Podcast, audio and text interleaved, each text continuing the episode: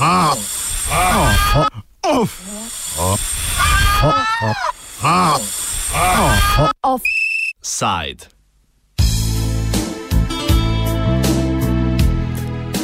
V državnem zboru danes poteka drugo branje predloga zakona o čezmejnem izvajanju storitev.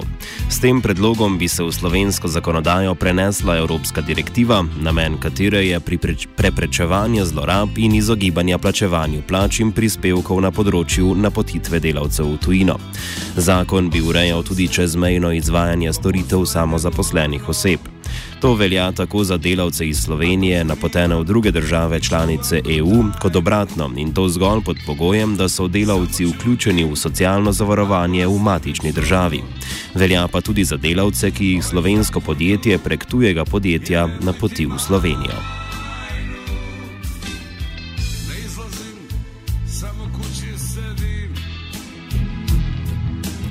Predlog zakona uvaja strožje pogoje za izdajo potrdil A1, ki so potrebna za napotitev delavcev v tujino ali iz tujine v Slovenijo. Predlog zakona na novo uvaja tudi subsidijarno odgovornost, če tuji delodajalec, ki je podizvajalec ali agencija, svojim napotenim delavcem ne zagotovi plače. Odgovornost za to bo nosil prvotni izvajalec del, ki ima sedež ali prebivališče na območju Republike Slovenije. Uveljavlja tudi lažje vročanje odločb in izterjav kazni med državami članicami pri kršitvah predpisov na področju napotitve delavcev. Kaj bo prinesel zakon, pojasni Uroš Prikl, član Desusa in predsednik odbora Državnega zbora za delo, družino, socialne zadeve in invalide. Prinesel bo v prvi vrsti, jaz mislim, da eh, večji red na tem področju, eh, predvsem pa bo to pomenilo zelo poenostavljeno povedano, da se bodo lahko izločili oziroma odstranili, odstranili vsi tisti slabi delodajalci, ki kršijo delovno, delovno pravno, če hočete, zakonodajo, vezano na osnovne pravice zaposlenih, torej glede na uh, plačilo dela, delovni čas, uh, eventualno zaposlovanje na črno. Uh, saj bo po sprejetju tega oziroma z uveljavitvijo tega zakona uh, ne bodo več mogli pridobiti tako imenovanega A1 obrazca oziroma potrdila, ki bo pa predpogoj, da bodo lahko napoteni oziroma delavci delali tudi v drugi državi. Bolj skeptični do tega pa so pri delavski svetovalnici, pojasni Goran Lukič. Po navedbah predlagateljev, oziroma po sami debati, ko je šla še zakonodaja v državnem zboru, pač ta predlog zakona o čezmejnem pravnem storitev predvsem prenaša vsemu temu pač določeno regulacijo oziroma pač nad uvajanje nekega podnarekovaj oziroma spoh ne podnarekovaj, za našo to besedo uporabo nadzora uh, v postopku uh, samega napotovanja delavcev v tujino tisto, kar seveda pač nas na delovskih svetovalnicah zanima, kako se bo to prijelo v praksi, torej ali bo zdaj končno Zavod za zdravstveno zvanje Slovenije eh, opravljal svojo nalogo, ki bi moral že upravljati že kar neki let, torej dostrezno ne samo izdaja, pa tudi nadzoruje izdajanje obrazcev A1 za napotovanje v tujino, eh, ali bo ta sistem ustrezno tudi deloval, ali bodo imeli v rokah dovolj eh, z njihove strani po njihovih besedah pooblastil. Torej, predvsem nas zanima, kakšna je implementacija tega zakona v praksi. Rok za izdajo A1 obrazcev, ki so podlaga za napotitev delavcev v tujino, bo po tem predlogu pet dni. A1 obrazci so itek že določeni eh, preko mednarodnih dokumentov in preko samih uredb, ki se izvajajo eh, eh, preko Evropske unije. Ampak tisto, kar že, sem že prej rekel v prejšnjem odgovoru, pomembno je, da se ustrezno izvaja je ne samo izdajanje teh AN obrazcev, ampak tudi nadzor nad izdajanjem teh AN obrazcev. Po zadnjih podatkih je bilo v Sloveniji leta 2015 oziroma 2016 izdanih več kot 145 tisoč AN obrazcev. E, to ne pomeni za 145 tisoč delavcev, ampak e, za pač tudi napotitev. In tukaj mislim, da je predvsem najbolj pomembna ta stvar, na kakšen način bo tukaj zavod za osnovno zavanje pač so to maso teh AN obrazcev ustrezno zreguliralo, da ne prihaja do tega, da gre skozi te obrazce kakšen delodajalec kot zdaj, ki recimo da še neplačnik, uh, ki ne plačuje delavcev, vse to se že dogaja. Ena izmed novosti je subsidijarna odgovornost, torej odgovornost izvajalca za izplačilo plače in prispevkov delavcu, ukolikor teh ne plača podizvajalec.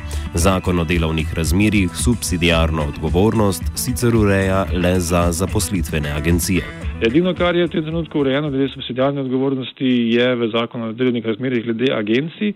Eh, torej v primeru neplačevanja oziroma neizplačevanja plač oziroma ostalih prejemkov eh, je v tem primeru tudi subsidijarno odgovoren uporabnik. Eh, to je v bistvu, kako se je pokazalo od 2013 naprej, ko je bilo to sprijeto, tudi zelo dober recimo, element pritiska na uporabnike, da dosti krat premislijo, kakšno agencijo bodo najeli. Še vedno pa to veliko premalo, glede na to, kaj se zdaj dogaja tudi pri teh kvazi agencijah, ki sploh niso pisane v registr. Tako da tudi na takšen način se vidi, da bi se še dala marsikaj narediti. Subsidijarna odgovornost bo po novem veljala tudi, če tuji delodajalec, ki je podizvajalec ali agencija s svojim napotenim, napotenim delavcem ne zagotovi plače, ali v okviru gradbene dejavnosti. Odgovornost za to bo nosil prvotni izvajalec del s sedežem ali prebivališčem v Republiki Sloveniji. Nadaljuje Lukič. Veliko preveč sramežljiva je ta novost. No. Iz dveh razlogov. Govorimo o subsidijarni, ne pa o solidarni odgovornosti. Torej, tu je velika razlika razlika zaradi tega, ker če je subsidijarna, potem se morajo predhodno pač uporabiti ta sredstva. Poleg tega ne govorimo o verižni odgovornosti, govorimo samo o tem, da je neposredni podizvajalec odgovoren, torej samo o eni verigi, torej direktno neposrednek podizvajalca uh, in govorimo samo o enem sektorju, govorimo samo o gradbeništvu.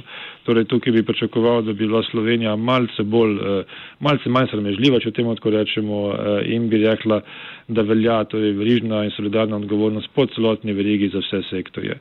Uh, in na takšen način v bistvu bi dala zelo jasen signal, da zelo resno misli pri preganjanju uh, kršitev v celotni podizvajalski verigi.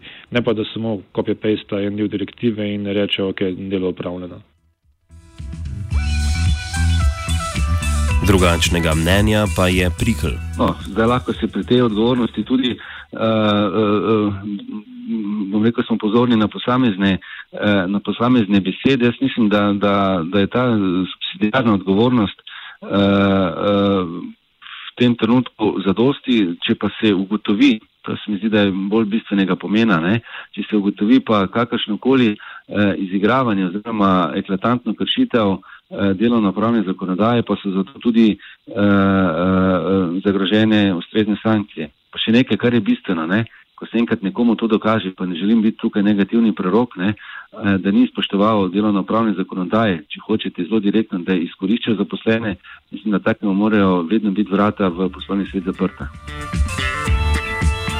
Še drugačnega mnenja glede uvajanja subsidijarne odgovornosti pa so na obrtno-podjetniški zbornici Slovenije. Pojasni Branko Meh, predsednik zbornice. To je v nekaterih primerih, ne? in zdaj zaradi nekaterih primerov spreminjati eh, celotno zakonodajo in obremenjevati vse eh, ostale delodajalce, se mi pa res ne zdi pravično niti pošteno. Vse to ne bo obremenilo vseh, to bo samo veljalo v tistih primerjih, ko bo prišlo do kršitev. Ja, ampak gledajte, zakaj? Zato, ko bo prišlo do kršitev. Eh, v teh primerjih, ko prije do kršitev, ne, nekako zakon bo pa napisan za vse delodajalce. In da bodo vse lahko kontrolirali zaradi par tistih, ko pa če očitno ne izvajajo, eh, se ne držijo te zakonodaje. Obrazec A1, ki je pogoj za napotitev delavca v tujino, se bo lahko izdal zgolj tistemu delodajalcu, ki v zadnjih treh letih ni bil več kot enkrat kaznovan zaradi kršenja pravic delavcev in nima neporavnanih zapadlih davčnih obveznosti. Eden od pogojev je tudi, da je napoteni delavec najmanj 30 dni neprekinjeno vključen v obvezna socialna zavarovanja v Republiki Sloveniji. Druga pripomba obrtno-podjetniške zbornice Slovenije na predlog zakona pa je to, da je čas za izdajanje A1 dovoljen predolg, nadaljuje Meh.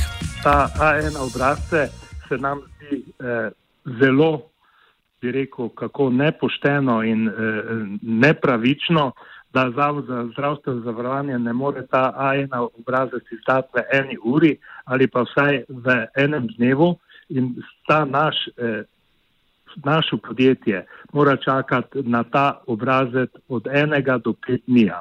V, v tem, če pa čaka tako dolgo na ta obrazec, se pravi, se pravi da pač eh, potem že tudi izgubi, eh, izgubi posel.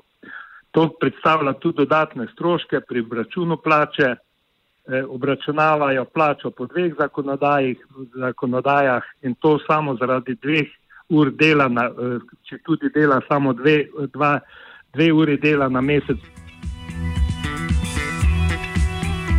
Opozarjajo, da se morajo določena podjetja, ki naprimer opravljajo nujna servisna opravila, včasih na pot odpraviti takoj po klicu stranke in ne morajo do pet dni čakati na izdajo obrazca.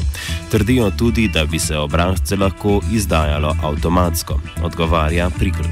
Mi bomo seveda vložili vse napore, ne, da se ti časovni roki maksimalno, eh, maksimalno eh, skrajšajo, pa da se predvsem dodatne so bili nekateri pomisleki tudi administrativne obremenitve pristojnih organov ne, ne povečajo. Ja, enostavno povedano, želel bi si, da bi bilo to mogoče čim hitreje narediti, da to ne bi oteževalo eh, samih prizadevanj, ki so pa povsem pravilno smerjena, da ne, da ne bo več šlo za izkoriščanje eh, tistih najšipkejših členov v tej verigi, to je eh, delavcev zaposlenih.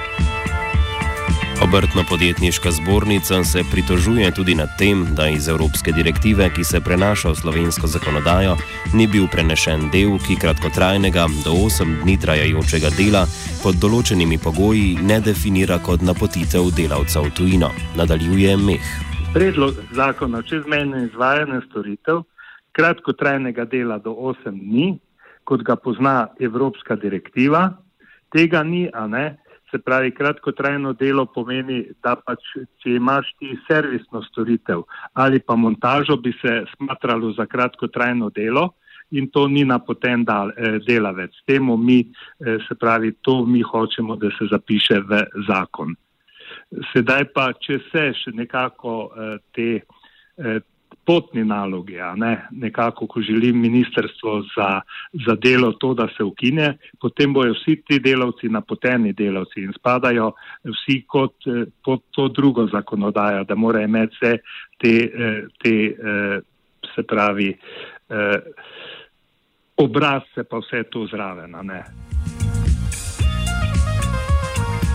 Aprikl zatrjuje, da bodo do sprejetja zakona to še uredili. Mi bomo seveda vložili vse napore, ne, da se ti časovni roki maksimalno, eh, maksimalno eh, skrajšajo, pa da se predvsem dodatne, so bili nekateri pomisleki tudi administrativne obremenitve pristojnih organov ne, ne povečajo. Ja, enostavno povedano, želel bi si, da bi bilo to mogoče čim hitreje narediti, da to ne bi oteževalo samih prizadevanj, ki so pa povsem pravilno smerjena, da ne, da ne bo več šlo za izkoriščanje eh, tistih najšipkejših členov v tej verigi, to je eh, delavcev zaposlenih. Na to posebno legitimno zadevo so predstavniki zbornice opozorili tudi na, na samem delovnem telesu.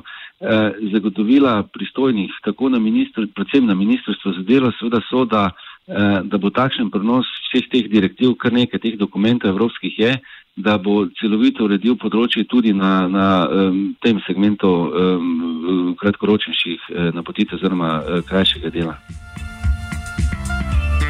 Današnji offside zaključuje Lukič. Upam končno, da bo pač ta zakon omogočil ustrezno regulacijo napotovanja v tujino. Eh, ker, kot zdaj vidimo, eh, pač je situacija zelo, zelo, zelo žalostna. Če se pogovarjaš z nadzornimi organi iz Nemčije, dosti jih bo že avtomatsko vedlo, katere firme prihajajo od Kije in eh, dosti bo tudi reklo, da je Slovenija praviloma prihajajo firme, ki so prišle v Nemčijo, recimo Goljufat. Tako da to je ena priložnost za Slovenijo, da si vsaj mal v mednarodni luči opere zelo umazan ugled. Offside je pripravil vid.